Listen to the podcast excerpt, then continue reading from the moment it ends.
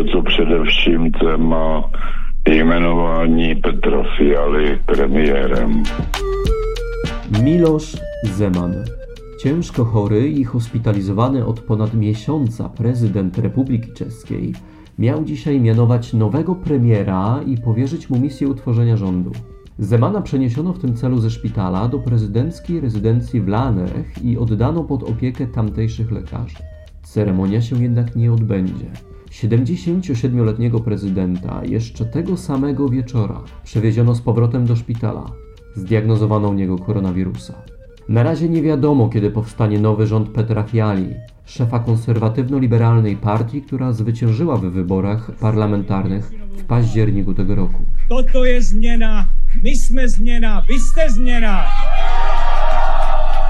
Nowy rząd będzie musiał niemal od razu przejąć pełną polityczną odpowiedzialność za niepopularne obostrzenia sanitarne, bez których nie da się mitygować nowej fali koronawirusa w Czechach. Sam Fiala po dość niespodziewanej wygranej i odspawaniu od premierostwa niesławnego populisty Andrzeja Babisza doczekał się tony pochlebstw ze strony komentatorów w Polsce i nie tylko w Polsce.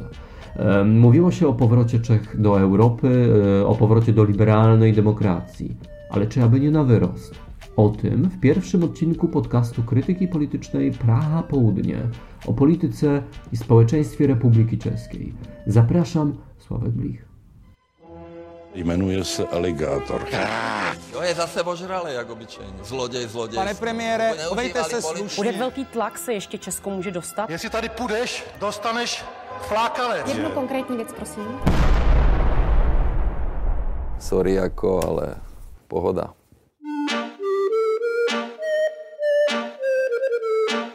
Taki jest jingle tego podcastu przygotowany przez producenta Ondra Bieliczka, a gościnią i komentatorką w dzisiejszym odcinku będzie Apolena Rychlikowa, reportażystka, publicystka i dziennikarka siostrzanego magazynu krytyki politycznej w Czechach A2 Larn.cz. A my zaczniemy od podsumowania sytuacji politycznej nad Wełtawą. To są najgorsze tygodnie w całej pandemii COVID-19 w Czechach. Sytuacja pogarsza się z dnia na dzień, a niektóre szpitale już dzisiaj są na skraju zasobów. W całym kraju zaszczepionych jest zaledwie 58% obywateli i obywatelek. Nowych zakażeń przybywa rekordowo. To fatalny moment na zmianę rządu, a ten zmienia się właśnie w Czechach. Październikowe wybory parlamentarne w Republice wygrała bowiem konserwatywno-liberalna koalicja z Polu lidera Petra Fiali, który jest już o krok od przejęcia politycznej władzy. Moje první reakce byla asi docela překvapená, protože jsem opravdu nečekala, že Andrej Babiš prohraje. Pierwsza reakcja spore zaskoczenie. Nie spodziewałam się, że Andrzej Babisz te wybory przegra, mimo że ewidentnie nie radził sobie z pandemią COVID-19, a jego poparcie spadało. Jednocześnie trzeba docenić kampanię wyborczą zwycięskiej konserwatywno-prawicowej z polu, prowadzoną w duchu szansy na zmianę. Ale jeśli spojrzymy na to bliżej i zapytamy, co ta zmiana miałaby właściwie reprezentować, to zrozumiemy, że mówimy tu o zmianie w sensie prostego powrotu do tego, co było przed Babiszem. před Andrejem Babiše to není jako změna ve smyslu, že ta společnost nebo ta politika se bude. Nie chodzi o zmianę w sensie, że społeczeństwo albo polityka państwowa miałaby się znacząco zmienić. Oni wręcz nienawidzą politycznej alternatywy.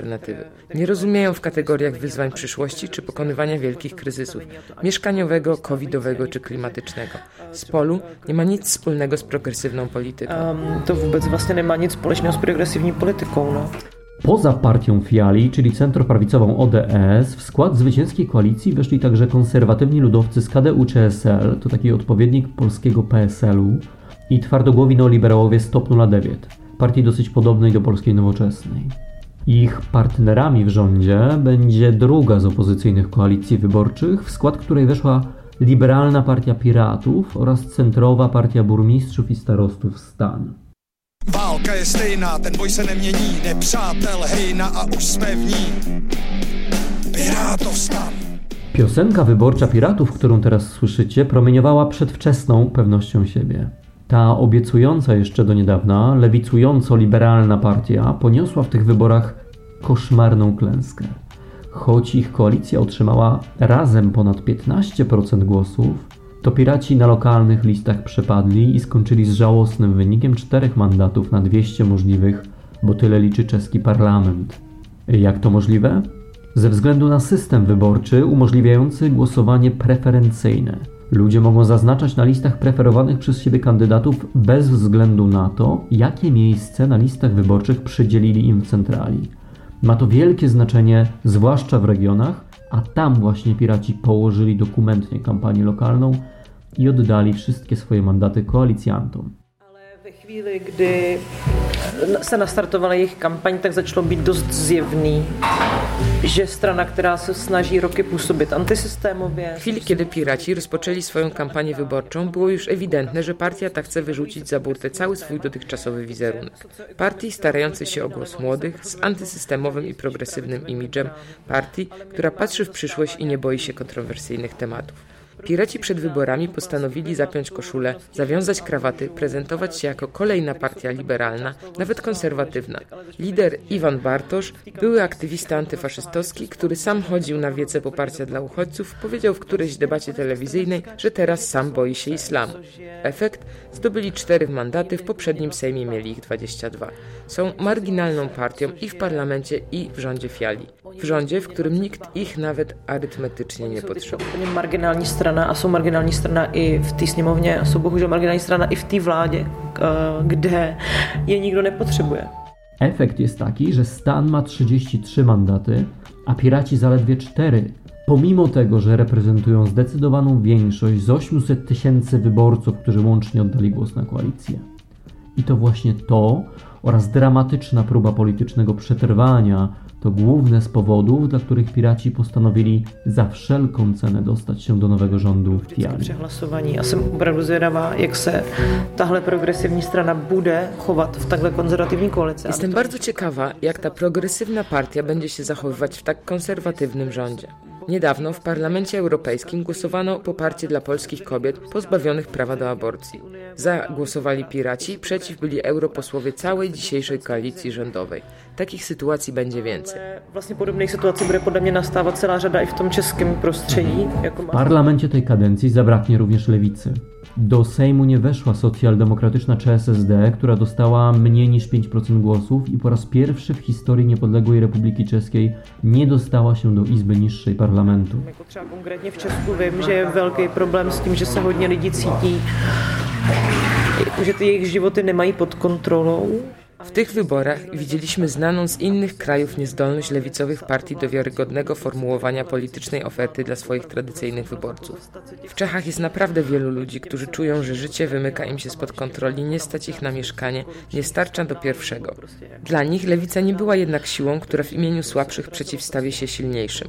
Oni głosowali na inne partie, dodatkowo wysysał ich Andrzej Babisz, który teraz będzie prezentował się w ławach opozycji jako obrońca czeskiego państwa opiekuńczego, które chce nam zabrać konserwatywna prawica u władzy. Svůj, uh, nějakou svou legitimitu, že on je vlastně ten poslední obhájce a to bude teďka jeho narrativ následující roky. Já jsem ten poslední obhájce toho sociálního státu, který nám ta jakoby konzervativní pravice vezme. Socjaldemokratów czeka teraz wybór nowych władz i walka o nowe polityczne życie. Już poza parlamentem, poza mediami głównego nurtu i prawdopodobnie głównie zdalnie, bo w warunkach pandemii. Jakoby momentálně o té straně nic moc nevíme. Ona vlastně skončila... Niemal nic nie wiemy dziś o mentalności Partii Socjaldemokratycznej. Po przegranych wyborach nie była nawet zdolna do zakomunikowania czegokolwiek. Oni nawet nie przyszli na konferencję prasową po ogłoszeniu wyników. Oczywiście na swoje konferencje przychodzi Babisz, który już zdążył powiedzieć, że Czechy nie będą już potrzebowały komunistów i socjaldemokracji w Sejmie, bo mają jego. Bych teďka řekl, že vlastně Česká republika už nebude potřebovat ČSSD a KSČM, protože jejich voliče on bude obospodařovat. W tym sensie Babisz będzie chciał teraz wrócić do prowadzenia quasi-lewicowej polityki, trochę w tym sensie, w jaki robi to Kaczyński. Choć bez takich skłonności do autorytarności i wojen kulturowych. Kaczynský, no není tam to kulturní válečnictví a tak. Wybory przegrała też komunistyczna partia Czech i Moraw KSČM, bezpośrednia następczyni totalitarnej komunistycznej partii Czechosłowacji. Partia ta również opuściła czeski parlament po raz pierwszy po ponad dwóch dekadach od aksymitnej rewolucji. Milion hlasů propadlo, nedostala se do poslanecké sněmovny poprvé v historii od roku 89 žádná levicová strana. W wyborach przepadło niemal milion głosów na partie, które nie przeszły progu. Do Sejmu dostały się wyłącznie partie prawicowe, populiści, neofaszyści z SPD i garstka liberałów. Mało komu w czeskich mediach wydało się to skandaliczne, że czeski parlament wychylił się tak ekstremalnie w stronę prawicowego konserwatyzmu. liberálů a pak uh, vlastně populisty z ANO a ultrafašisty nebo ultrapravicové SPD. Komunistów zaś czeka teraz głównie wyprzedaż nieruchomości z ich dość imponującego portfolio oraz liczenie na bardzo mało prawdopodobny cud politycznego zmartwychwstania. Wbrew temu, co możemy usłyszeć w mediach, po odrzuceniu populistycznego Babisza w Czechach prawdopodobnie nie czeka nas okres demokratycznego i gospodarczego prosperity w kraju. Czeka nas za to najbardziej prawicowy parlament w historii Republiki Czeskiej. W gabinecie Fiali zasiądą tylko trzy kobiety i 15 mężczyzn. Całe grupy polityków ze zwycięskiej koalicji odrzucają wpływ człowieka na zmianę klimatu.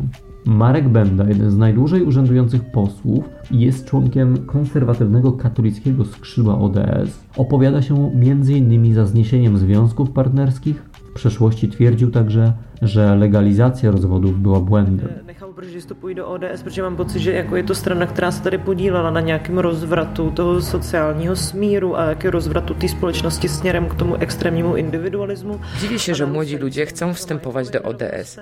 Przecież to partia, która współodpowiada za demolkę państwa opiekuńczego i skręt w stronę ekstremalnego indywidualizmu i narastających rozwarstwień majątkowych w Czechach. ODS to partia, która tak naprawdę stworzyła społeczeństwo i reguły, w których dziś funkcjonujemy. nerovnostem a že je to strana, která v podstatě jakoby vybudovala tu společnost, ve které my dneska žijeme a je úzce spjatá s tím, jak ta společnost dneska funguje. No. Neoliberalna partia Top 09 zaprosiła nawet księdza, który wyświęcił pokoje opuszczone po komunistach. to asi už si nedovolí úplně říct. I když Petr Fiala v jednom z předvolebních rozhovorů řekl, že není prokázaný, že je souvislost mezi lidským chováním a působením. a- Petr Fiala w jednym z przedwyborczych wywiadów posunął się do stwierdzenia, że nie ma dowiedzionego związku między działalnością człowieka a ociepleniem klimatu. Myślę, że w najlepszym przypadku możemy od jego rządu oczekiwać silnego kapitalistycznego greenwashingu, a w najgorszym, że z klimatycznych tematów zrobi nowe pole wojen kulturowych. Już dziś wielu polityków ODS powtarza, że Green New Deal to nowy totalitaryzm, w którym Unia Europejska dyktuje nam, co mamy robić z naszym węglem i z naszymi autami.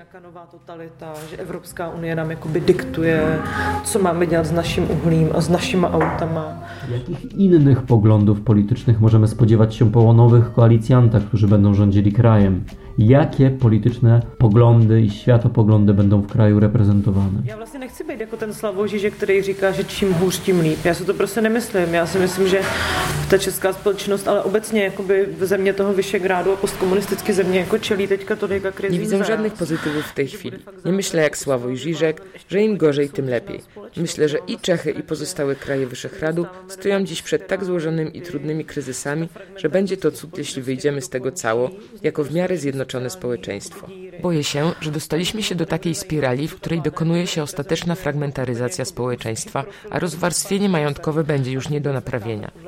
No i nikogo nie będzie to obchodzić, bo rząd Fiali reprezentuje zaledwie ułamek najbogatszych paru procent społeczeństwa. ta fragmentarizace té společnosti jako dokončí, vzniknou strašný sociální jakoby díry a nikoho to nebude zajímat, protože ta vláda jakoby reprezentuje ho, úplně jakoby úzký profil horních pár procent.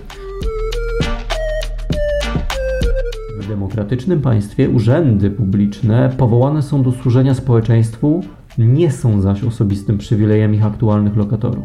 Ale niemniej los rządu premiera Fiali pozostaje w rękach poważnie chorego prezydenta Milosza Zemana. Ten już nie raz w przeszłości dowiódł, że potrafi poruszać się na granicy konstytucji i blokować nominacje niewygodnych dla siebie ministrów. Czy tak będzie i tym razem? Będziemy się tym zajmować w kolejnych odcinkach podcastu Krytyki Politycznej Praha Południe. Do usłyszenia za tydzień. Komentowała Apolena Rychlikowa, głosu użyczyła Dominika Wróblewska.